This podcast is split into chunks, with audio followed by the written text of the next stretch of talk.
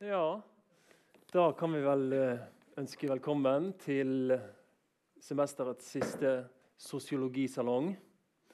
Eh, Sosiologisalongen er et sånt eh, samarbeidstiltak mellom Sosiologisk institutt ved Universitetet i Bergen og Litteraturhuset i Bergen. Og Det er et sånt forum hvor vi forsøker å diskutere forskjellige sånn samfunnsspørsmål og samfunnsforskning eh, til fredagspilsen. Jeg ser at det ikke er så mange som har pils her, men eh, det går bra. Det, det, går veldig bra å diskutere ting uten pils også. Eh, I dag så er temaet altså forebygging. Og tittelen som er satt, er litt uh, spissformulert, og den er 'Falsk forebygging?' spørsmålstegn. Uh, og uh, Utgangspunktet for samtalen det er da denne boken her, som er skrevet av Dag Leonardsen. her. Eh, den heter 'Forebyggingens historie'. Så eh, En fortelling om et bevegelig mål. Og så har vi også med oss eh, samfunnspsykolog og, og psykologspesialist Trude Senneset her. Som vi, så vi ser veldig fram til den dialogen mellom oss samfunnsforskere, sosiologer og praktikere. Og så håper vi at vi får litt innspill etter hvert fra dere. Eh, men jeg kan jo bare starte med å, forsøke å, å, å, si litt om, om uh, hva Dag skriver i denne, denne, boken 'Forebyggingens historie'. For Han legger fram det her et veldig sånn kritisk perspektiv på, på, utviklingen i måten vi har tenkt om forebygging, og måten vi har jobbet uh, forebyggende her i, i landet. Og det er på en måte en sånn altså Han konsentrerer seg om etterkrigstiden. Og han, eh, han sier at uh, ting ble ikke sånn som, eh, som de som, som, utviklet velferdsstaten i tidlig etterkrigstid. Og grunnleggerne så for seg altså, Man så liksom for seg at hvis vi, hvis vi fikk orden på den materielle nøden, så ville, måte, ville vi få noe som lignet på en sosial harmoni. Men det ble ikke helt sånn. Og, og så, etter hvert så, så, ble det mer og mer oppmerksomhet på, på forskjellige sånn, problemer som ikke lot seg løse bare av penger. F.eks. psykiske problemer og avhengighets-, rustematikk. Og det dukket opp masse ting som, som, man, som ikke disse sosialøkonomene fra tidlig etterkrigstid hadde svaret på. Man vendte seg da mot samfunnsforskningen fra 70-tallet og utover. Og samfunnsforskningen fikk et enormt oppsving. Og eh, i samarbeid med forskere så ble det liksom utviklet et stort sånn virkemiddelapparat. Sånn handlingsplaner mot det ene og det andre og det tredje sosiale problemet. Men så er, er, er, sier, sier, Dag da at eh, det som, som, på en måte mangler, det som har blitt summen av dette, her, alle disse handlingsplanene og virkemidlene, det er at man liksom eh, man savner at noen ser sammenhengene. Man har liksom glemt å, å Det er ingen som, som, spør lenger hva er det som driver liksom, problemutviklingen. Hvorfor oppstår alle disse problemene eh, på, de, på, de, forskjellige områdene av folk sine liv? Og, så, så, Dag han, her, han savner at man kommer litt i forkant da, av, eh, av problemutviklingen, sånn som så, så jeg leser det. Og sagt på en annen måte så, så er det sånn at måte, hvis ikke alle disse her eh, tingene vi gjør på forskjellige områder av, av eh, folk sine liv med sosiale problemer virker, så må det jammen være noen sterke krefter som trekker i motsatt eh, retning. Så jeg kan jo, Nå har jo jeg liksom sagt litt med hvordan jeg leser ditt resonnement sånn helt overordnet, dag, men jeg kan jo begynne med å, å, å spørre deg liksom hva har gått galt i måten vi, vi, tenker rundt forebygging, og måten vi har lagt dette opp på? Ja, takk for det, og takk for invitasjonen. Veldig glad for å få lov til å være her og snakke litt om det bokprosjektet. og Det, bare si kort, altså, det starta jo da tilbake på, midt på 70-tallet. Da vi hadde et prosjekt sammen med, med sosiolog som het Thomas Mathisen og en som het Håkon Lorentzen fra Bergen. for øvrig. Mm. Um, og Det var på grunnlag av kriminalmeldinga som Inger Louise Valle skrev. som var en radikal, veldig radikal kriminalmelding.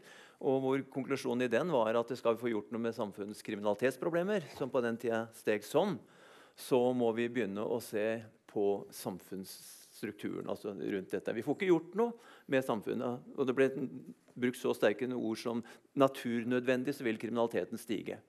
Um, hvis ikke vi begynner å se på samfunnet rundt. da, veldig generelt sagt. Og Da hadde vi et prosjekt da, som gikk på at vi skulle prøve å se Det ble utlyst eh, penger og skulle forske på dette. her. Hva kan man gjøres?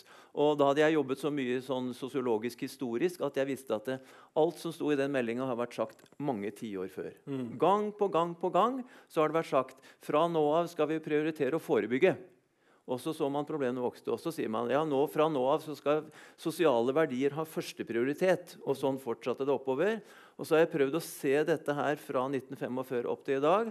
Eh, for hver gang så var det nye typer sosiale problemer oppstå, enten det var rus eller kriminalitet eller moderne ting. Mm. selvmord og så videre. Og så ser jeg de samme formuleringene. Nå skal det settes inn en handlingsplan, en aksjonsplan, en strategiplan, et satsingsområde. Mm. Gang på gang på gang så ble det pøst inn nye ting. Og det jeg har lyst til med boka, er jo da å reise utfordringen både til sosiologfaget Kristoffer og jeg er sosiologer.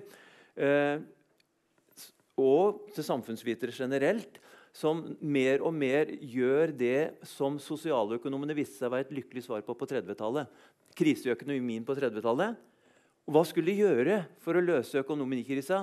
Jo, de ropte på økonomene. Og så kom det heldigvis en som het Kanes, og så sa at jo, hvis vi gjør sånn og sånn, så løser vi problemene i det økonomiske system. Og det klarte han.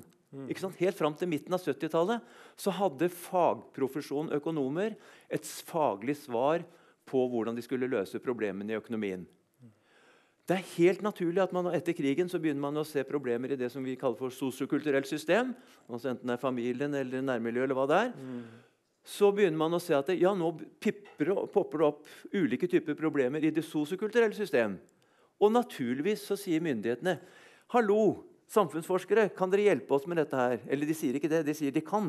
Mm. Dere kan. Vi skal bruke penger på dere, og så skal dere komme med tilbud på hva, hvordan, og hva, hvordan vi skal løse disse problemene. Og så har jo da kommet stadig nye forskningsprosjekter over hele fjøla. Og det settes inn som sagt, masse aksjonsprogrammer oppover. Mm. Og båndlinja på det er jo for å si det, i Norge og utlandet virkemidlene virker ikke. Og da er det min påstand altså at er, vi må si, ta opp selve problemforståelsen eh, av hva disse er. Den ene problemforståelsen er det jeg kan kalle en sånn sosial ingeniørtankegang. At vi, bare, vi betrakter sosiologer og samfunnsforskere som en rørlegger som kan mm. komme inn og mekke og skru på ting, mm. og så fikser vi problemet.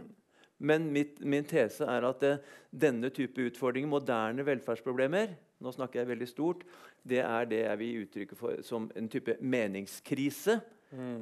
og grunnleggende verdikonflikter.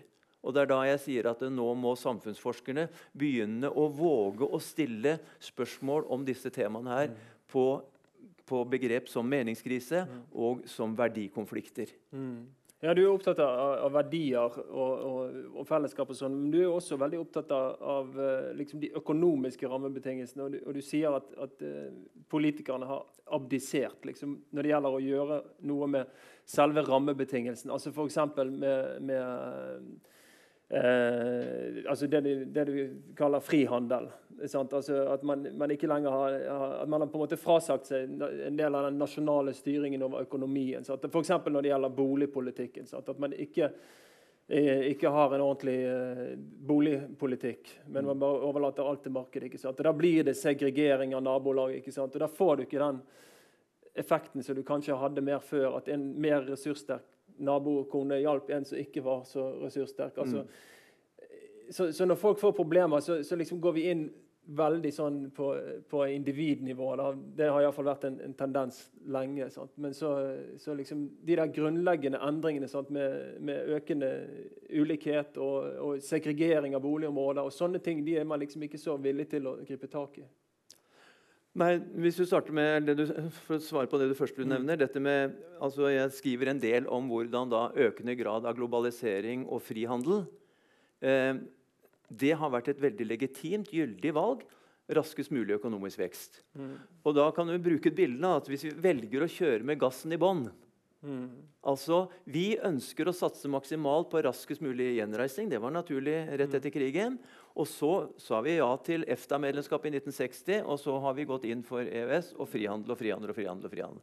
Det betyr, og det er helt legitime valg, det understreker jeg, men vi velger å kjøre med gassen i bånn i forhold til de prosessene som gjør at vi får store samfunnsmessige omstillinger. Sentraliseringsprosesser osv. Men så sier jo da, og det er stort sett vært sosialdemokrati som uh, har vært dominerende etter krigen, så sier de samtidig ja, men vi skal sette bremsen på. Så med høyrebeinet så skal vi altså sette inn samfunnsforskning som gjør at det, selv om gassen gjør at det produserer masse turbulens og omstillinger osv. Mm. Vi vet at det vil føre til store problemer, sa de åpent. Mm. Men så sier de vi skal sette inn forskningsprogrammer som gjør at det, her skal sånne som oss komme mm. inn og løse disse problemene. Mm. Og det er da jeg sier eh, Som vi sa, jeg kommer fra Lillehammer da, under OL. Da hadde vi Trond-Viggo Torgersen, barneombudet, oppe. Og, og, da sa vi liksom bare at det, ok, hvis dere nå velger å selge øl og vin og sprit i hvert eneste bilutsalg De stengte bilbutikkene, og så åpna de ikke sant, frislipp alkohol. Mm. Og så sier jeg det er greit, det. Det er et legitimt valg. Men ikke kom etterpå og be sosionomer eller psykologer eller sosiologer om å løse de problemene som kommer i kjølvannet. Mm. Altså Det er en verdikonflikt mm. hele tida. Og så lenge man prioriterer å kjøre med gassen i bånn, så sier jeg da kan en gjennomsnittlig skolert sosiolog si at det, mm. da vet vi at de og de tingene følger på kjøpet. Mm. Og da er det ikke det sterkeste krutt vi har av virkemidler som kan motvirke dette. her. Og vi har gitt slipp på altså en regjering altså For å si det sosialdemokratiets credo det er jo at de sier vi trenger ikke noe revolusjon. Vi skal utnytte den eh, høna som legger gullegg, nemlig markedet. Maksimal vekst. Og så skal vi sette inn styringstiltak. Så kan vi som politikere bestemme slik og sånn og slik og sånn, mm. og så har vi full kontroll. Men det man har gjort, det er at man har kastet ut verktøy på verktøy på verktøy fra den verktøykassa man hadde for å styre disse arbeidsmarkedspolitikk, strukturpolitikk, distriktspolitikk mm. Alle disse tingene har man kastet ut verktøyene. Mm. Og så kommer man etterpå og så setter man inn øremerkede tiltak på det og det og det og det mm. området. Men da er man langt i bakkant for mm. å løse disse problemene. Og min tese er jo, som jeg prøver å si her, at eh, det er paradoksalt at når vi det er ingen land i verden tror jeg, som bruker så mye penger på velferdsstat og å sikre folk sine gode levekår. Ingen, som jeg vet om. Mm. Og så er det ingen som bruker så mye penger på å prøve å, å få løst problemene. Mm. Ikke sant? Men for å sitere Bo Rothstein, en sentral svensk statsviter det må være et paradoks han om den svenske velferdsstaten, når vi bruker så ekstremt mye penger på å forebygge at det går så hakkande galt. Mm. Og I løpet av kort tid nå så er det mentale helseproblemer som vil ligge på toppen av utgiftspostene mm. våre i forhold til særlig dagens ungdom. da. 20-30% som sliter med angst og depresjon osv. Ja. Det det. Så, så, det vi er på en måte samlet for å diskutere i dag, det er jo da altså, hvordan kan vi komme mer i forkant av uh, problemutviklingen. Kan jeg bare få lov til å si én ja. ting jeg glemte? For Det er litt viktig å si at På 70-tallet så var det faktisk allment enighet. Eh, jeg vet ikke om de kjenner til 'Fremtiden i våre hender', eh, ikke sant? som genererte forskningsprosjektet Alternativ eh, framtid.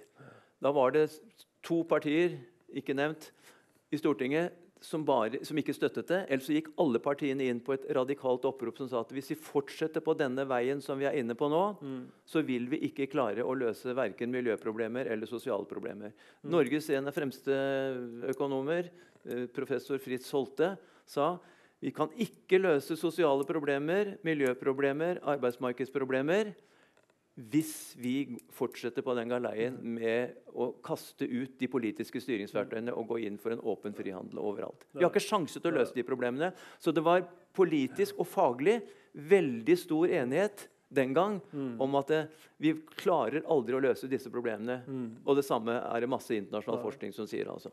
Takk. Nettopp. Og, sant, så det, det, dreier seg på en måte om at uh, vi har, vi har på en måte redet oss sånn at vi, vi nå driver veldig mye symptomlindring. Og, og i, i, liten grad eh, diskuterer hva er det som driver problemutviklingen. Og da er det jo, Dette er jo liksom sikkert noe, dette er jo noe som, som de som jobber i, i velferdsstatens frontlinje, eh, spør seg også ofte ikke sant? Og, og kanskje føler at de driver med symptomlindring. ikke sant? Og kommer inn, inn for seint i, i, saker og, og, i det hele tatt eh, ja, etter at, at uh, problemer er skapt av andre samfunnsprosesser altså de ikke har så stor innsikt i. Så, så Derfor så er vi veldig glad for å ha med oss her i dag en som er ett hakk nærmere det praktiske livet. Og Det er da eh, Trude Senneset, som er psykolog utdannet i Bergen i 2001, og, og siden det er spesialist i eh, både barne- og ungdomspsykologi og samfunnspsykologi. Hun har jobbet i, i, Bergen fengsel en stund, og så jobbet hun i eh, er det ikke 17 år ute i Fjell kommune. Og Nå jobber han i spesialisthelsetjenesten med å, å, få i stand bedre samarbeid mellom, mellom, mellom spesialisthelsetjenesten og, og, kommuner. Så, og, og, det som er at Hun har jobbet i Fjell kommune, og de jo, har jo da vært veldig nytenkende på 2000-tallet i hvordan man har jobbet forebyggende. Så det som det som jeg kan begynne med å spørre deg om altså, Nå har jo Dag vært inne på én sånn eh, tilnærming til hvordan man kan komme i forkant av liksom, de problemskapende prosessene. Men hvordan, hvordan, eh, hvordan eh, liksom, Fra et sånn samfunnspsykologisk perspektiv, mhm. hvordan tenker du man kan komme i forkant? Uh, ja, hvordan vi kan komme i forkant. Altså, jeg er jo helt enig med deg. Vi ser jo og merker jo på kroppen uh, akkurat de utfordringene som, uh, som du beskriver. Mm. så det som er interessant, som jeg ikke husker, er at det var politisk enighet om å gjøre noe med det. Mm. Ja, ja. Det, så, det, er jo det som er kanskje mest trist, da, at, at det ikke ja. Og fagforeningen og Kirken sto bak det samme oppropet den gangen. Ja, ja. Så, eh, så, jeg håper jo ikke at det er sånn at vi er kommet der at ikke vi får til forebygging. Men så er jo livet sånn at det er jo ikke sånn at vi Jeg vet ikke hvordan dere har det privat eller i jobb eller andre steder. at det er sånn, å, der var en utfordring, og nå endelig nå var vi kvitt det. Nå var det fint. Nå er alt fint og nydelig og greit, og så er det harmoni resten av livet. Altså, det tror jo ikke jeg på. Så jeg tror jo at det er en utvikling, og at vi må bevege oss. Og så oppstår de utfordringene som er rundt oss, og så må vi prøve å gjøre noe med det. Men altså, det har vært en veldig satsing på å få psykologer ut i kommunene. Og det man da tenker tradisjonelt, er jo at vi skal behandle folk. Sånn at Hvis de snakker med en psykolog, så blir de friske. Mm. Men hvis du har en skole som gjør at ikke de ikke får til livet sitt, og de kjenner at her hører jeg ikke til, det er ikke plass til meg, jeg er ikke verdifull eh, Hvis du får to pluss to pluss to minus to pluss hver dag du går på skolen, og da får du gjerne daglig annenhver dag, så sier de ja, Kanskje send dem til psykologen og si du vet du hva, kan ikke dere snakke litt? For jeg trenger litt bedre selvfølelse. Mm, mm. Det, altså, hva tenker du jeg skal snakke med det barnet om hvis du i morgen skal gi en Du er to minus. Det er dårlig måloppnåelse. Dårlig måloppnåelse. Hvis du mm. trekker det i fjeset på et menneske mm. hver eneste dag, så kan ikke du gå til en psykolog og så få en god mm. selvfølelse. Sånn at jeg er helt enig med det. Det er jo um, det er jo de dialogene, samspillet, de menneskene som vi er sammen med hver dag, som gjør om vi får en god selvfølelse mm. eller ikke. For det er jo det hva mamma eller pappa sier. Hvordan de viser har de lyst, er verdifull nok til å være sammen med. Mm. Hører til et sted. Eh, så det å skape Å ha et meningsfullt liv. sant? Eh, hvis vi ser på økonomene, så er jo det sånn at vi, bare det å være kvinne så er jo et tapsprosjekt for samfunnet. Mm. ja, det, men altså det, det, Fortell oss litt mer om liksom, hvordan samfunnspsykologer kan jobbe sånn konstruktivt med, med sosiale problemer. For det er kanskje Mange tenker liksom, psykolog, sant? så tenker man jo individualterapi ja. liksom, en gang. Ja. Men det er jo mye mer. Det er mye mer. Og, og, jeg vil jo si at Individualterapi er også noe som er viktig for noen mennesker. Mm. Men, eh, men, å tro at vi skal legge veldig mye av forebyggingen på det, eh, det mm. blir altfor optimistisk. Eh, så, og det er jo det det er for få mennesker til å kunne gjøre de store utfordringene. Så, så Jeg vet ikke om samfunnspsykologene kan eh, bidra med så veldig mye mer. Men, men jeg håper jo at vi Eh, at vi kan være de som formidler noe om hvordan det er for et menneske å møte et system. da. Mm. Så hvordan skal, skal, man kunne være frisk eller ha det godt eller mestre livet sitt og høre til i mm. møte med et system? Hvis systemet er rigget sånn at det egentlig eh, har noen mekanismer i seg som dytter deg ut i utenforskap. Mm. Det det. Men altså, fortell litt altså, Fjell kommune, når du jobbet der, ble jo da kjent for å jobbe veldig godt med sosiale problemer. Sant? Og, og, på en måte klarte å komme litt i forkant. Ja. Altså, fortell litt, Hva var det dere gjorde da, så, som liksom fungerte bedre enn det gjør en del andre steder? Eh, I hvert fall det som våre, våre ledere, helsesjef og, og rådmann, var veldig opptatt av at vi skulle delta ut og, og bidra til måte å bygge samfunnet. Bruke den kompetansen som vi hadde. Og så måtte vi selv finne ut hvordan kan du bruke den for at uh, det skal bli bedre å bo og være barn og unge. Først og fremst i, i fjell. Dere var et team av kommunepsykologer. Ja, Vi begynte med én stilling. og så, det, så Hvis du klarer å vise at du gjør nytte for deg, så får du gjerne én stilling til. Og så Til slutt så var vi faktisk ti stykker. Men nå eh, blir det slått sammen med andre kommuner, så nå blir ikke vi så mange mm. fremover. Men, um, men da, liksom, hva gjorde dere? Dere dro ut i eh, barnehager, eller liksom hva Ja, altså Egentlig så blir jo det dialoger med familier og barn, men også folk som arbeider f.eks. i barnehage. Sant? Eh, for hva er psykisk helse? Altså, Hva forbinder dere med psykisk helse? Retten til arbeid. Ja. ja. Sånn at hvis du da har eh, en, møter en familie som er blitt arbeidsledig Det var et stort tema på eksempel i Fjell. Det var veldig mm. mange som mistet arbeidsplasser under oljekrisen. Og så eh, har man dårlig økonomi. Sant? Så da nytter det ikke kanskje å ha en forventning om at man skal bare snakke med noen, så skal det bli bra. Da trenger man faktisk noen som går inn og hjelper med bolig. Eh, om ikke man får jobb, at man har økonomien på stell. og sånn. Så jeg vil si vi, Kanskje vi har vært en sånn oversettere mellom det å være syk og i behandling og få rett hjelp i spesialisthelsetjenesten, til å si at eh, faktisk hvis du rigger eh, samfunnet sånn eller sånn, kanskje spesielt skole, ungdomsskole, videregående skole, så har vi vil jeg påstå, noen, noen bygd inn noen mekanismer som er drivere for utenforskap, for eh, at folk mister fotfeste og tilhørighet. Mm. Eh, så det er jo det å, å, gå i dialog med skole altså Skole de jo, har jo veldig lyst til å bidra og hjelpe. Så mm. dialogene med de andre fagprofesjonene tenker mm. jeg er viktig. Det er det. Men også å strekke ut til andre som ikke er en del av det kommunale. Sant? Og, få, for, for, og tenke kan vi henge sammen? Er vi et samfunn? Eh, har eh, sykehusene, spesialisthelsetjenesten, noe ansvar eh, sammen med kommunen? Eller er det bare sånn mm. Enten er det deg, ellers er det deg.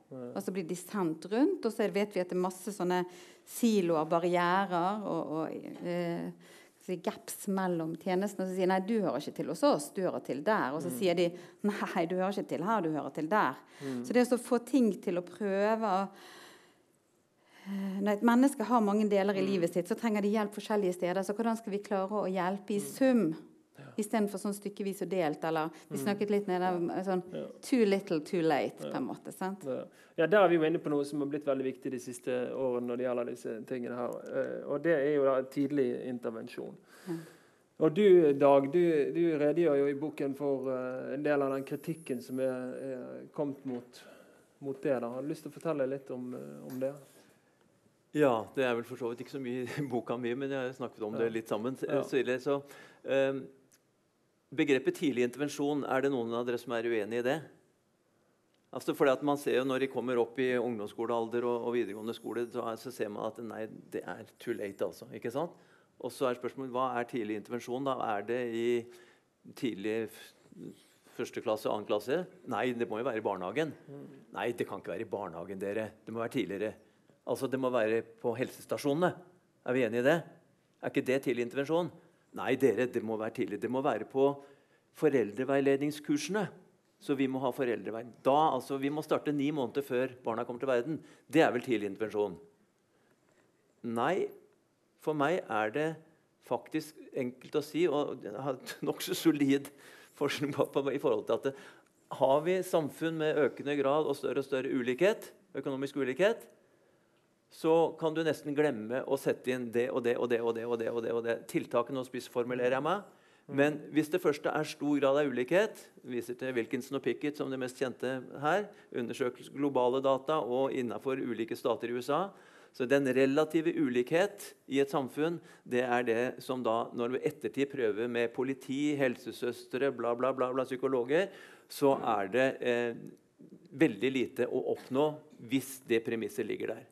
Men så har jeg da lyst til å si altså, tidlig intervensjon. Det har kommet nettopp en, en, bok i England eh, på dette her, og hvor de ser etter hva innebærer tidlig intervensjon nettopp i et sånt sosioøkonomisk perspektiv eller klasseperspektiv, om man får lov til å bruke det begrepet da.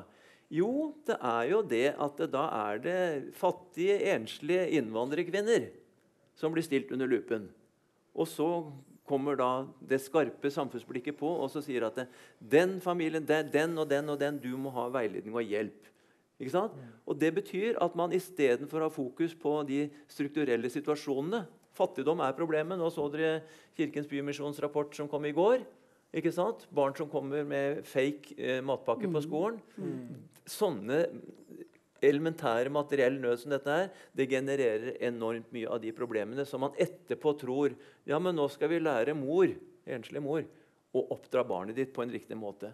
Det er for å si det enkelt, et fokus som vrir perspektivet mm. på en skummel måte. Og Da har jeg lyst til å bare kanskje si også at eh, for meg er det som sosiolog viktig å prøve å tenke mer i retning av organisatoriske eller strukturelle løsninger. Og jeg vet ikke om jeg har tid til å mm. nevne liksom bare for det som jo. det er ditt tema, eh, altså i forhold til drop-out fra skole. Jeg, får, jeg, jobber jo på, på helse- og sosialarbeiderutdanninga på Lillehammer. Sosionom, barnevern, vernepleie. Da.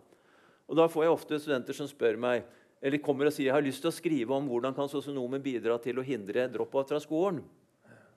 Ja, hva tenker dere om det? Ja, så flott! Så flott, Nå kan sosionomene, sender vi en skog av sosionomer ut i skolene. Og så kan de holde folk i handa og stryke dem over håret og snakke med dem. Og så har vi kanskje da hindret drop-out fra skolen. Mitt svar når jeg ser på studentene, sier er du sikker på at du skal det. Altså bidra til å hindre drop-out fra skolen. Eh, og så skjønner de ikke hva jeg sier. Og så prøver jeg da å si at eh, ja, men hvis nå person X har slitt på skolen så lenge, er det din oppgave har du et sånn doktorveske du, som du kan komme med, og så skal du få Per til å slite to år til etter at Per har slitt og blitt mobbet og fått to karakterer hele tida. Da må vi se på hva slags skole vi er. og Det er en boktung, teoritung skole.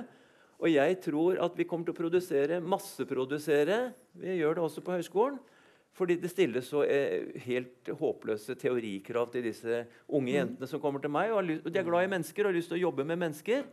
Og nei, nå skal vi bli universitet, så da må de ha mye teori. Mm. Altså, Jeg har levd mitt liv mellom to bokpermer. jeg. Men jeg er virkelig den fremste forkjemper til å fjerne så, ikke så mye som mulig, men veldig mye av det teoristoffet som de får i undervisninga hos oss. Og det er også nede ned i, i grunnskolen. altså At elever blir plaget. De som er flinke med hendene og beina, de blir satt til å lese bøker. Og de er nødt til å ta på, de er nødt til å gå på trynet, og det er nødt til å generere masse problemer i kjølvannet. Og da må vi si, som jeg nevnte for Kristoffer Gjør som noen kommuner har gjort. Kjøp et verksted, og så la de, de elevene som skulker skolen hele tida Man blir ikke kvitt dem de får, om kvelden. For de står og mekker på mopedene sine, og så har de fått oppgave av læreren om å regne på det og beregne sånn og sånn. og sånn. Ellers eh, videregående skole i Bærum, som liksom ble satt på yrkesfaglige linjer. Bygg et hus. Da måtte de praktisk bygge en liten hytte. det var det var plass til. Men de skulle beregne takvinkler og én meter snø osv. Og, så mm. og da gikk jo karakterene rett til værs. Mm. For nå skjønte de at det, ja, men dette må jeg lære en elev som ble sitert på. Jeg skjønte at jeg måtte lære meg matematikk. Da, for jeg, hadde jo kjøpt inn materiale for 8 millioner, og så skulle det være 800 000. Ikke sant? Ja, ja. Så, ja. ja. Men jeg tenker at kanskje kan sosionomen gjøre noe der. Og i hvert fall kan psykologen tenker jeg gjøre noe. For når vi har vært på de skolene, så er det noe med at alle som jobber i det offentlige, tror jeg, jobber der fordi at de har lyst til å gjøre livet litt bedre for noen andre. Så når psykologene jobber der, så har de lyst til at de som er rundt, de skal få det bedre. Men det er ikke bare eh, den som vi tenker pasient eller barn og familien. Det er jo også lærere eller barnehagepersonell. Og når, eh, Hvis vi kan komme inn og hjelpe å oversette og få de til å forstå hva er det på en måte som gjør Vi hadde akkurat noen fokusgruppeintervjuer med noen eh, videregående skoleelever. Så sier de hva er det som er viktig, da? Det er viktig for oss lærerne hilser. At de sier hei, at de kan navnene. Og så sier vi at ja, lærerne de har 100 elever. Vi skjønner jo at det er vanskelig for de å lære navnene. Men da kan vi gå inn i dialoger med skole og systemene. Hva er det for noe som er viktig for de som er her? Så det å ha noen dialoger eh, i de systemene som virker ekskluderende eller marginaliserende, eller som presser ut noen og sier og, og tenke hvordan er det de skal kunne bli et sted for fellesskap og deltakelse. Da. Så der tenker jeg at de som eh, jobber med mennesker, om det er sosionomer eller sykepleiere eller psykologer eller barnevernspedagoger eller whatever, eller lærere, så har vi et kjempestort for å, å gjøre eh, hverdagen bedre for de menneskene som er i de systemene, og se på de som verdi. For vi snakket om mm. verdi. Mm. Hvem er det som definerer verdi, da? Er det er Utdanningsdirektoratet og disse her Altså, Vi mm. vet at lekser fremmer sosial ulikhet. Hvorfor fortsetter vi med det? Vi, mm. altså, vi, har jo en del ting som vi kunne gått inn og gjort noe med. Men når det først er sånn, så tenker jeg at så må sosionomene og psykologene likevel jobbe så godt vi kan da, med å si at uh, vet du hva, jeg kan, ikke, jeg kan ikke bruke vanlig bare terapi. Hun kommer til å være engstelig.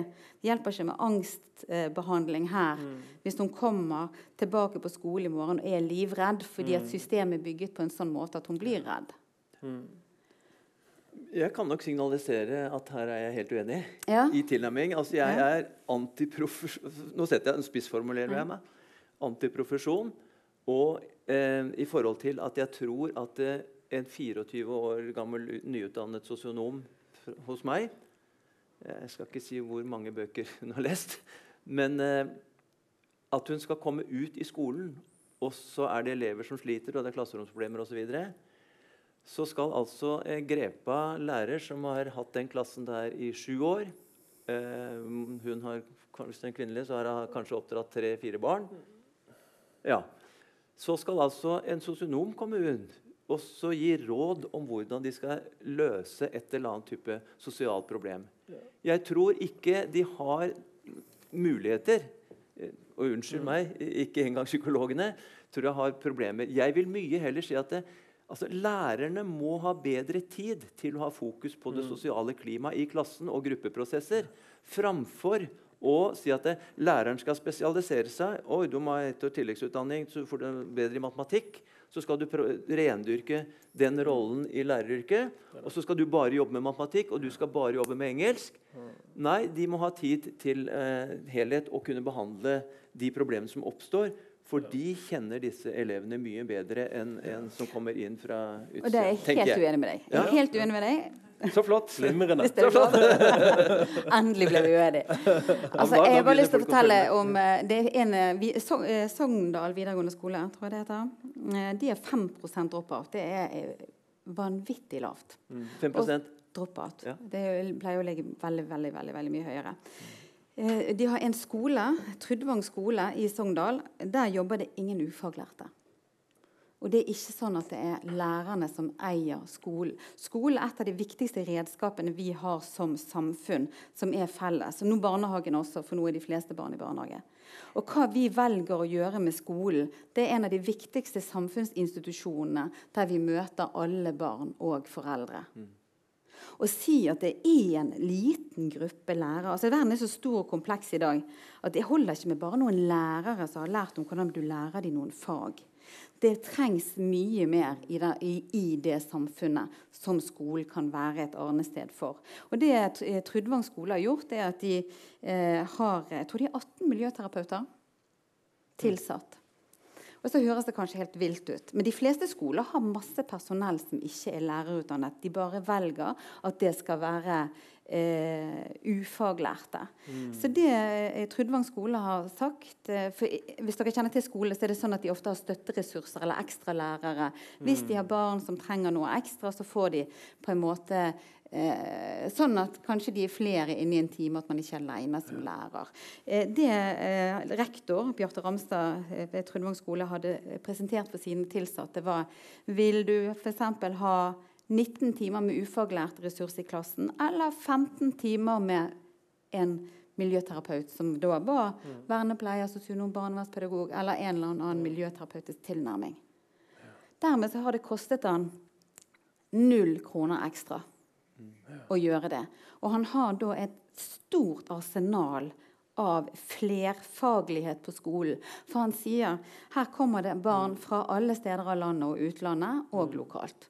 Her kommer det barn som har foreldre med god råd og dårlig råd. Her kommer det barn med eh, mange forskjellige typer med, med handikap.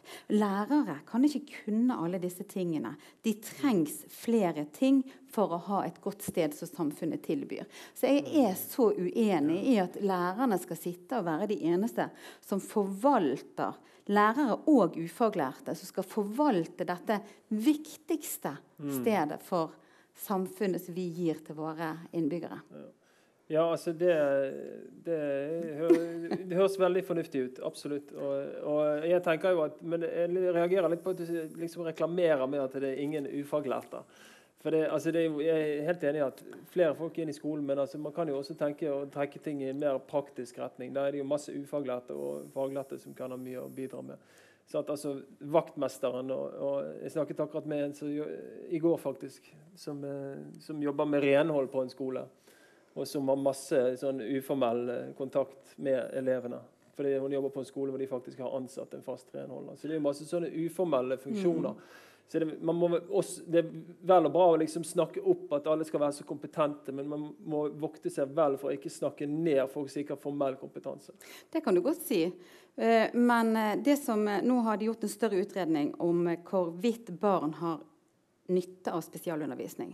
Vi har en hel PPT mm, eh, i organisasjoner i kommunene i Norge som skal utrede hva er behovet til dette barnet. Og du kan ha så mye behov for spesiell oppfølging som det ja, kan ha store behov som er dokumentert og i en sakkyndig rapport. Mm. Og det som da kan skje med det barnet, er at det blir tatt ut av klassemiljøet sitt.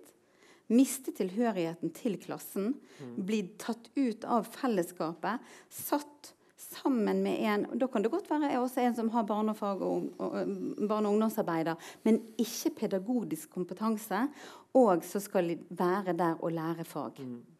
Sånn ja, for Det blir jo igjen en individrettet intervensjon. Altså, ja. Da går jo ikke den eleven inn i et fellesskap, sånn som du sa, på, med et, et verksted. Liksom. Altså, da er Det på en måte, det er jo ikke det man trenger nødvendigvis. Mm. Det er en interessant forskjell her. Altså, jeg på en måte står for en generalistmodell på veldig mange områder. Mm. Og sånn jeg leser deg, så er du mer i retning av at vi trenger spesialister på det og det og det og det områder. Mm. Og så skal, vil det etterpå oppstå tror jeg, da, en del koordineringsproblemer osv. Jeg, jeg leste i sin tid altså boka til Nils Kristi, den kjente kriminologen, som skrev en fantastisk bok som het 'Hvis skolen ikke fantes'. Og Et av overskriftene der er Eh, og Så går han sånne, inn på en del myter og omveier. og det, er En av overskriftene er 'Om vi bare hadde bedre lærere'. Mm. Og Første setningen etterpå det er 'Jeg kan ikke tenke meg et mer ufruktbart utgangspunkt'.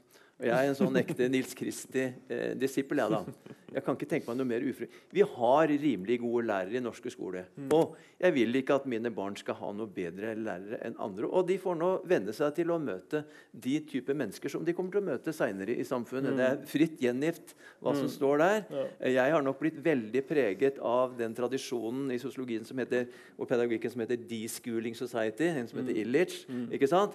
Uh, og hvis skolen fantes, er det i kjølvannet av dette her. Og da er det nettopp det der å tro at det, ja, altså Jeg er, for å være oppriktig, og vi gjør så godt vi kan med våre studenter, men jeg har ikke tro på at eh, en eh, relativt nyutdanna sosionom eller som har vært inne i skolen et eller to år, har så veldig mye mer å tilføre, kanskje mindre, mm. enn en lærer som har fulgt en klasse gjennom seks-sju år. Ja, jeg tror vi skal avslutte akkurat den biten der med den herlige uenigheten litt. Og så gå over til et annet uh, tema som, som, ligger litt under her, som kanskje vi kan være mer enige om. Og det er det som går på tid. For det, det er jo, Vi har jo snakket om noen sånne problemskapende prosesser. Men det, det, som, det som, ligger litt i, i er at vi, vi, har jo på en måte ført en sånn vekstpolitikk når det gjelder Eh, at, at, alle skal jobbe mer og mer. Sant? Og kvinner særlig. Sant? Det har vært en enorm vekst i kvinners yrkesdeltakelse. Sant? Og det har vært stor enighet om at deltid er en uting. Kvinner må jobbe mer osv. Eh, de siste tiårene. Og, og da er jo liksom hva, Dette her skaper jo en mangel på tid i andre settinger i samfunnet enn arbeidslivet. Altså, mer tid i arbeidslivet vil si mindre tid i, eh, i nabolaget. Sant? Og mindre tid med ungene i, i familien. og sånn. Det er jo en sånn der er det noen problemskapende prosesser i det der vekstimperativet som gjelder tid, som, som, vi burde snakke mer om? Mangel på tid det, det er det liksom noe som vi burde tenke mer på når det gjelder forebygging. Ja, altså I den boka som jeg har skrevet her, da, så er det jo Jeg pleier å sette, eller jeg har satt opp et sånt skjema med jeg kaller det økonomisk system. Hvilke verdier er det som kjennetegner det økonomiske system? Og så setter jeg det sosiokulturelle system, som er liksom familien og utdanningsinstitusjonen og kultur og kirke osv. Og, så viser jeg systematisk at de verdiene som mer og mer da blir reindyrkes og må reindyrkes i det økonomiske system, bl.a. effektivitet osv., formålsrasjonelle handlinger, og de verdiene som vi er avhengig av hvis vi skal ha et godt samfunn, mm. så er det stikk motsatte verdier. Og effektivitet på den ene, tid på den andre. Mm. Og jeg sier eksplisitt i boka at eh, økonomer får stå fram og si, som de stadig gjør, av hensyn til konkurranseevnen med utlandet, så må vi prioritere slik og sånn. Og for å unngå inflasjon, og da kan de på et faglig grunnlag stå fram og si den økonomiske profesjonen tilsier at vi må gjøre slik og sånn. Mm. Kåre Willochs yndlingssitat var av hensyn til konkurranseevnen med utlandet. Ok, Greit. Men hvis jeg skal være sosiolog, og få lov til å være sosiolog, så må jeg si på vegne av det sosiokulturelle system så kan jeg si at vi vet veldig mye om hva som skal av betingelser for det som kalles for samholdets beståen. da. Hvordan skal vi ha, skape et solidarisk og et godt integrert samfunn? Mm. Og Da kan du ramse opp en sett verdier, og da setter jeg opp verdien i det økonomiske system mm. og motsetningen i det sosiokulturelle system. Og så ser du at det er kollisjon på kollisjon. Og en av de dimensjonene er nettopp tidsaspektet. Mm. Og Jeg nevnte, jeg har lest en, en, amerikansk kriminolog som har skrevet en bok som heter 'The Road to What, uh, Wherever'. Han har intervjuet uh, masse middelklasseungdom. Han sier det er ikke amerikanske arbeiderklassebarn, det er amerikanske middelklassebarn som jeg er bekymret for. Og det er et mm. rop altså, fra familier som har som sa, full lønnskonto og tom tidskonto. Mm. Så de barna, En av overskriftene i boka er 'Anyone who needs me out there'. De skjønner ikke disse barna som har kommet ut på skråplanet, kriminalitet, rus. Mm. De skjønner ikke hvorfor de er satt til verden. Ja. For de vet ikke Det er ingen som bryr seg om dem. Foreldrene er borte, ikke bare på jobb. Men altså, så, sosiolog som sa familien eksploderer før en gang i, i døgnet etter frokosten. Nå er det to ganger i døgnet. Og nå er de ikke engang inne til middag for å møtes. Og så er de borte på dagtid. Skole, SFO.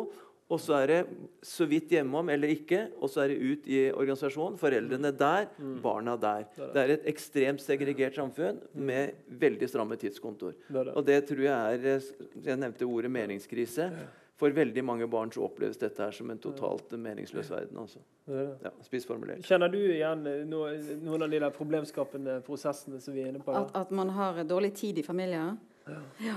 Ja, Det var jo litt sånn artig å linke det til at kvinner kom ut i arbeidslivet. Ja. Så jeg tenkte til og med DNB har jo sånn eh, kampanjen om at kvinner til, til og med skal inn på aksjemarkedet. Ja, det er det. Ja. Så både arbeidsliv og aksjemarked, det vet ikke jeg. Det kan jo gå helt rundt.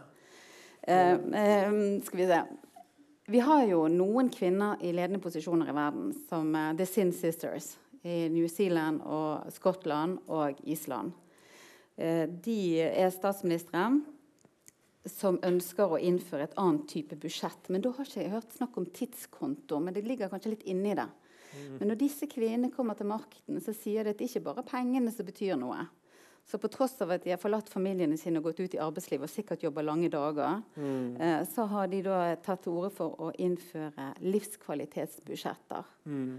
At man, eh, man har well-being-budsjetter i disse eh, nasjonene. da, mm. man ikke, At det ikke bare er bruttonasjonalprodukt man er opptatt av. Mm. Mm. Ja, det, det så det er andre verdier. Det kan godt ja. være tidskontoen og sånt. Ja. Eh, jeg syns jo at det ikke var sånn veldig smakelig å knytte det opp til, til, at kvinner går i arbeidslivet og bruker tid der. Men hva er det vi regner som verdi, og hvem får lov til å være på ballen når vi definerer verdi? For hvis det er bare økonomene mm. som får være på ballen når vi definerer verdi, så er ikke det så greit. Og I et skolesystem eksempel, Når får elevene være med og definere hva er verdifullt for deg? Mm. Og En pasient i psykisk helsevern eller på, i somatikken, når får de være med og si hva er verdifullt for deg? Det er det. Nei da, eh, bare for å presisere det der med altså, Det er jo ikke det, det, må, det å liksom trekke den linjen med liksom økt arbeidsdeltakelse osv., og, så og særlig blant kvinner, det mm. vil, er jo absolutt ikke å si at løsningen er å og liksom kvinner tilbake til kjøkkenbenken. Altså det, er jo, det er heller det å si at eh, liksom, vi, må, vi må gjøre det som Kari Wærnes sa på 70-tallet anerkjenne ulønnet uh, arbeid. Både i, i organisasjonslivet, sant? det sivile samfunn, men også i familien. Sant? Og Det gjelder jo både kvinner og menn. Sant? Og det er jo, eh, Løsningen er nok heller ofte at menn burde gå ned i stillingen, at kvinner burde gå opp osv. Jeg bare ja. et, et, et, kult, Så ser jeg du har hånda oppe. Jeg skal bare si veldig kort, for jeg har jobba veldig mange år med Japan. Eh, med utgangspunktet at det er det eneste moderne samfunn som har gått motsatt av alle moderniserte land i verden, nemlig kriminalitet som ikke har gått opp etter krigen. Mm. Og Det har jeg holdt på i veldig mange år og jobba med. det. Og ja, Der går en interessant diskusjon nå. apropos, for det er Overhodet ikke Jeg har i hvert fall ikke sagt og tenkt at nå skal kvinnene tilbake til, til hjemmet. Men der går en diskusjon nå er Japan et matriarkat eller et patriarkat. Altså et mannssamfunn eller et, eh, Og det er klart alle sier det er et patriarkat. ikke sant? For kvinner har jo først de seinere få åra kommet ut i arbeidslivet i det hele tatt. Um, og så er det noen amerikanske feminister som har kommet med at nei, Japan er jo det mest typiske matriarkatet. Mm. Og så har de kommet inn på den debatten som Linn Stalsberg i Norge blant annet, har aktualisert, altså den nye feminismen hvor de eh, snakker om kvinner som kapitalismens nyttige idioter osv. Mm. Eh, eh, hvorfor er Japan et matriarkat? Jo, hvis vi stiller spørsmålet hvilke verdier er det viktigste verdier som vi skal få verne om? Ja, det er kanskje barna våre. Det er kanskje familien. Eh, det er kanskje at vi har tid til hverandre. Mm. Ok, Og så sier de Og hvem er det som forvalter de verdiene i Japan? Mm. Betegnelsen på en japansk arbeider det er 'economic warrior'. En økonomisk krigfører. De er liksom borte tolv timer i døgnet. Mm. Mens kvinnen tar seg av familien og barneoppdragelse. Det er eget navn på utdanningsmammaen i Japan. Mm.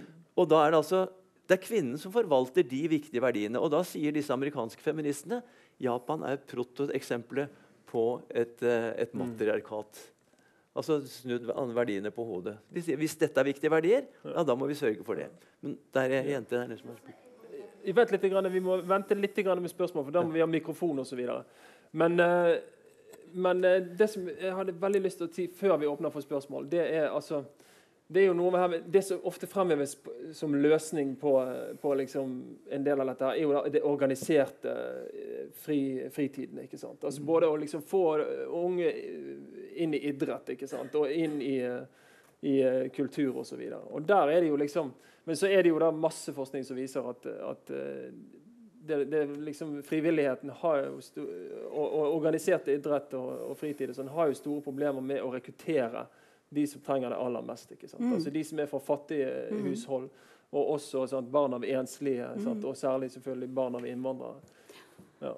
Og På Island har jo de gjort et kjempestort folkehelseeksperiment med å lage veldig stort tilbud med åpne haller, mye mer inkluderende enn fotballklubben og håndballklubben. Og, mm. og sånn. Og det har fått rusbruken til å droppe noe helt vanvittig de siste årene på Island. Mm. Så det er mange som klarer dette. Ja, det det. Og det, det som jeg tenker er viktig, for når du sier at sosionomen skal inn og fortelle noen hva de skal gjøre, så tenker du at det, det er gammeldags. Det er skikkelig gammeldags å tenke at man skal komme inn i en ekspertrolle. Det vi trenger, det er samskapende praksiser, men man trenger masse forskjellig kunnskap. Og kanskje mest av alt, hva syns man selv er nyttig kunnskap som man kan bringe inn i et fellesskap med samskapende praksiser der som livet leves. Mm. Og noen ganger er de eh, private eller frivillige. Og noen ganger er det offentlige eller mm. skole eller helsetjeneste. Men jeg tror vi må øve oss på at ikke noen som kan være den eneste ene. Verken mm. leger eller uh, sykepleiere eller uh, lærere kan være de eneste ene, selv om de tradisjonelt har hatt veldig viktige posisjoner. Mm. Vi må øve oss på at det er mange som er viktige i sum. Og når, når ikke det er noen hjemme som kan være denne eh, basen på samme måte som i Japan lenger, så må vi kanskje øve oss på hvordan vi kan flekse det der sammen ute i samfunnet. Vil du kommentere det, så tar jeg finner mikrofonen? Ja, fordi at jeg tror, altså, Vi har nettopp hatt en doktorgradskandidat på høyskolen som har vært opptatt av hva er det som har fått barn som har vært på det skråplanet, eh, over på den smalere stien. Og det er nettopp svaret er der.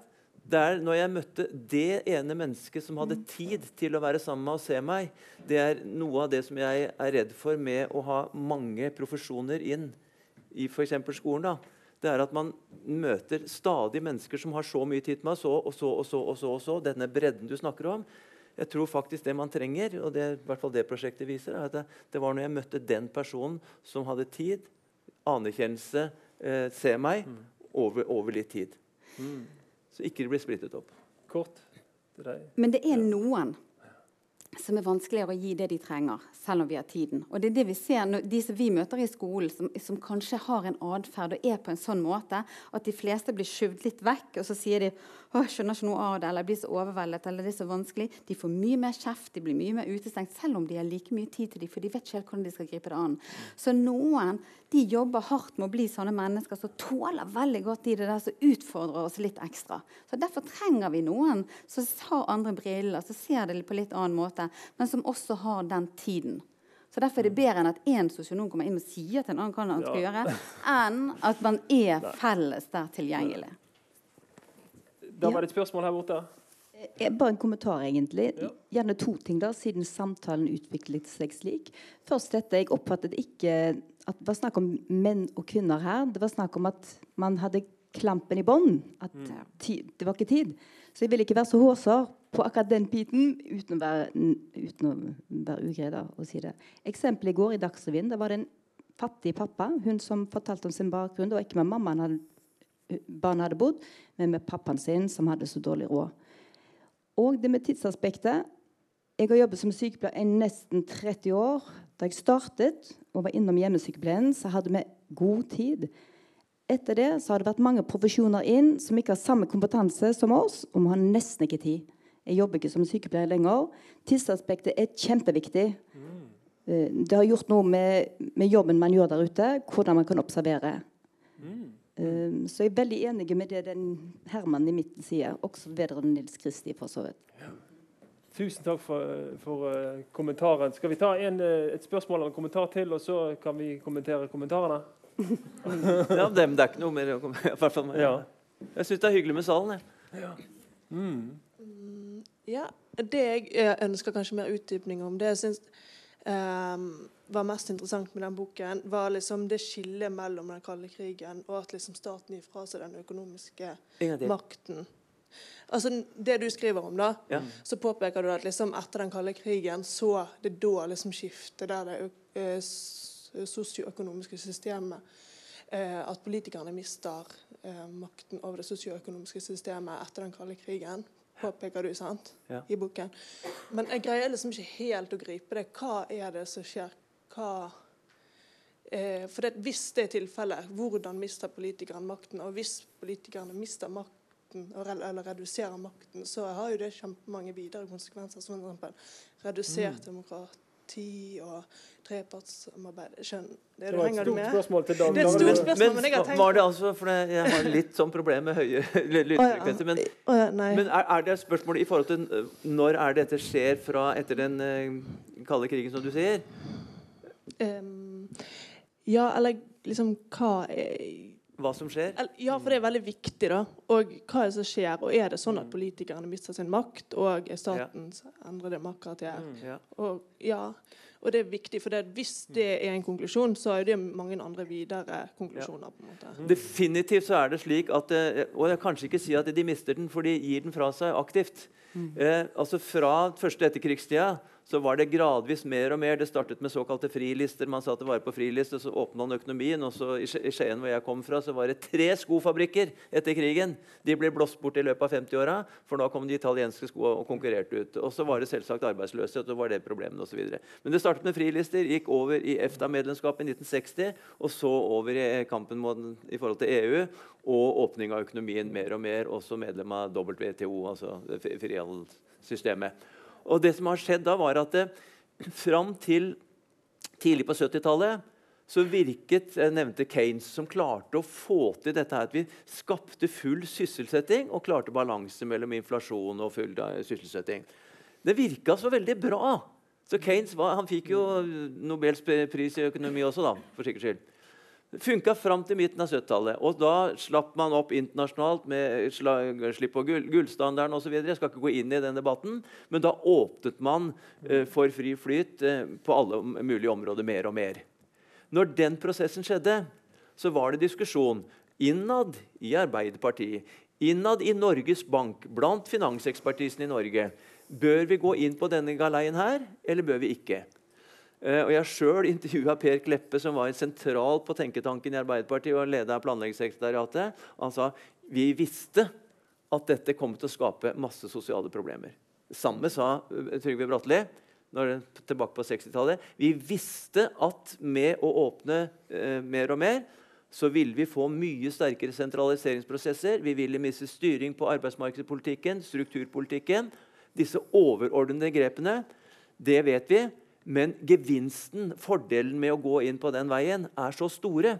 Og da håper vi at samfunnsforskerne kan kompensere. altså mm. Det ene var gassen. Så håper mm. vi at samfunnsforskerne kan komme inn. På samme måte som Kanes var et vellykket svar der, så håper vi at samfunnsforskerne kan komme inn og finne gode løsninger på hvordan vi skal tåle raske omstillinger og sentralisering.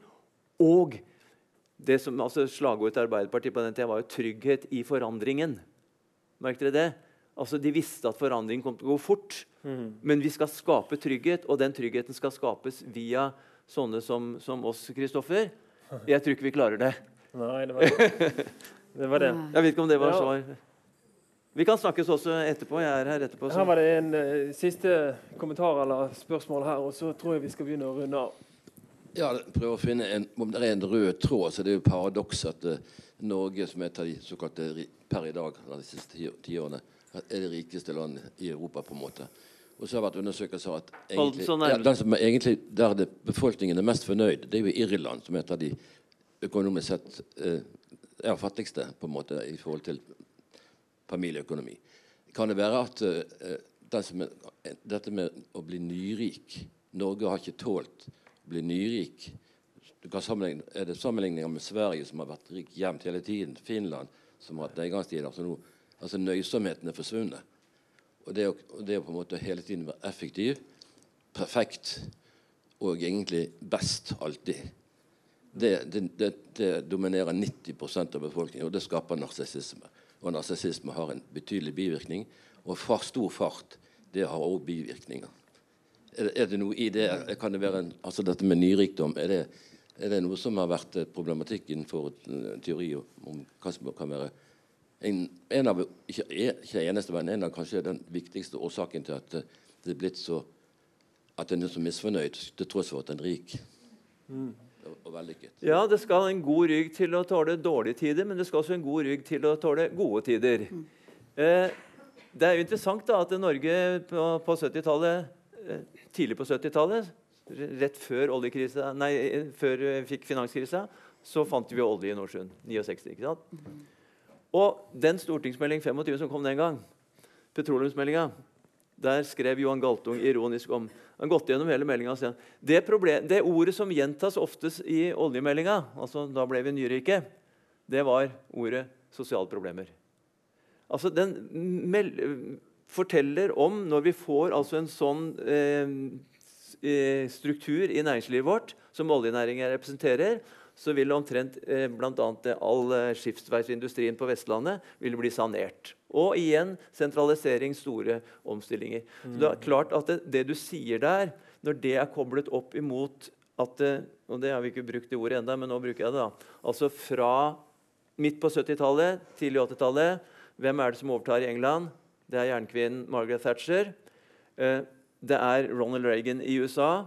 Det er det samme på New Zealand. Jeg bodde på New Zealand ett år. De hadde en omstilling nesten over natta fra en sosialdemokratisk til en nyliberal periode. Altså, Nyliberalismen kommer parallelt med oljekrisa, eller ikke oljekrisa, men at vi får, finner olje i Norge og blir nyrike. Eh, det er en fantastisk fransk mm. psykiater, eh, filosof, som heter Dufour, som har skrevet boka 'The Art of Shrinking Heads'. Kunsten om å krympe hoder. Eh, han skriver på grunn av klinisk basis Og så forteller han da hvordan fra det freudianske mennesket, det kantianske mennesket og det nyliberale mennesket er, Vi er blitt totalt annerledes i tenkemåter. Og kompassnåla vår står her, sier han. Altså, Det er navlen vår vi navigerer etter, og det er med utgangspunkt i at han, han kaller det rett og slett en antropologisk mutasjon. Det er et ganske sterkt ord. Det har skjedd en antropologisk mutasjon med nyliberalismen. Eh, jeg, jeg må si jeg, jeg har jobba på Høgskolen på Lillehammer siden 78.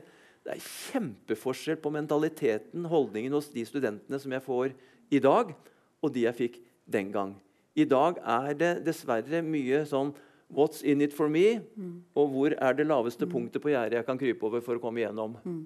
Eh, det var en helt annen klima. Så at det har skjedd en mentalitetsendring, eh, det tror jeg er helt riktig. Og den tror jeg har skjedd i kombinasjon av nyrikdom og nyliberalismen, hvor fokus er knyttet mot eh, individet. altså. Mm, det var det.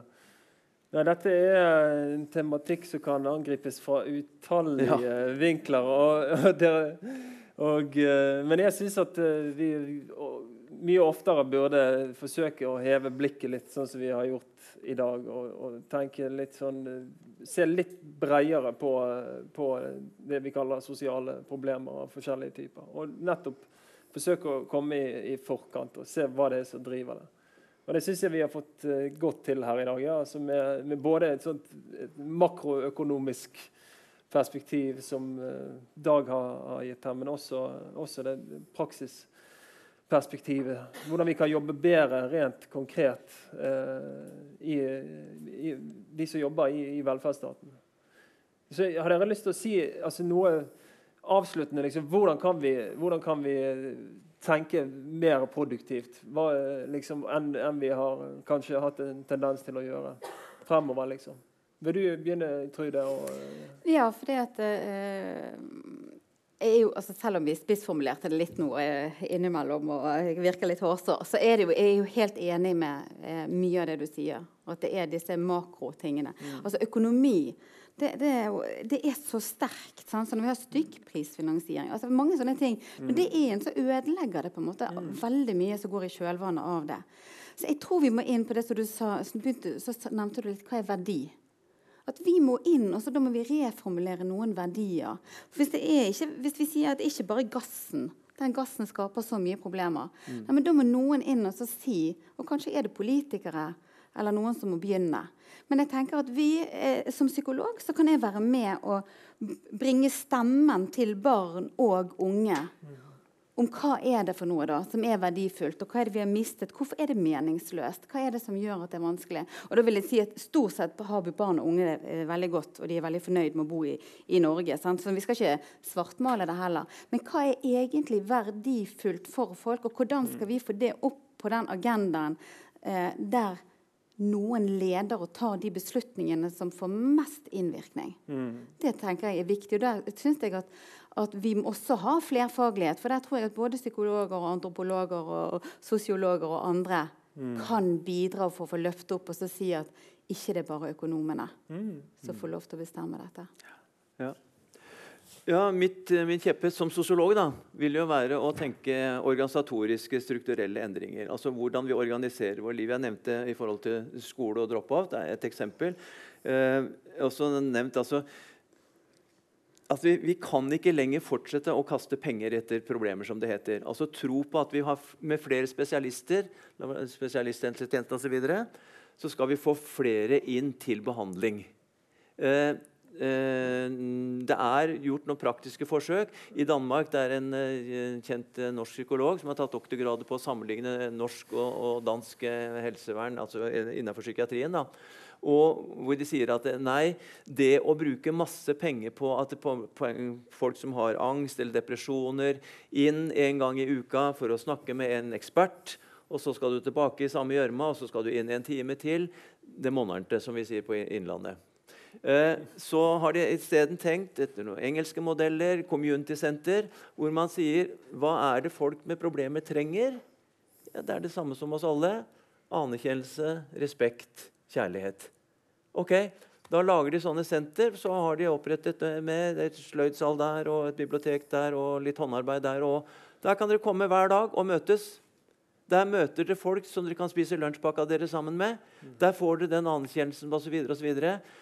Hennes sammenligning nå snakker jeg i stor overskrift, det er kanskje en bedre måte å nærme seg de problemene som vi nå ser vokser blant ungdom, angst, depresjoner osv. Mm. Kanskje er det bedre å tenke community-løsninger, nærmiljøløsninger. Jeg, lenge, jeg, har vært lenge vært opptatt av å gå motsatt vei i forhold til helsestasjoner. Få dem spredt ut. På 70-tallet skulle ikke helsestasjonene ha flere innbyggere enn 4000 per område.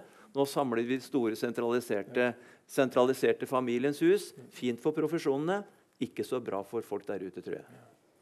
Siste ord fra deg, Trude. Ja, og, og, da igjen så samler du de i en liten gruppe, om ikke det er individualisert. så er det en gruppe. Altså For det Solveig Osebø Ose, eh, Sintef-forsker, sier, er jo at det, det, vi trenger, er jo at det er mer enn matte, norsk og engelsk i hele skolen. For alle barn. De trenger musikk, de trenger lek, de trenger bevegelse. De trenger kulturskole. Kulturskole for alle, det hadde vært det viktigste. Kanskje folkehelsetiltaket. Så jeg tenker vi må tenke stort nok. Ja. Det er nettopp det. Og vi må, må tenke utenfor de boksene som uh, vi blir bedt om å tenke i. Mm.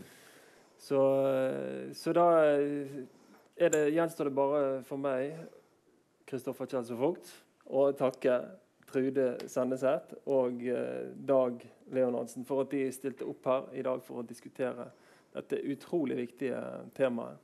Og så tusen takk til alle som møtte på Sosiologisalongen. Og jeg takker for invitasjonen. Mm. Takk for at du kom.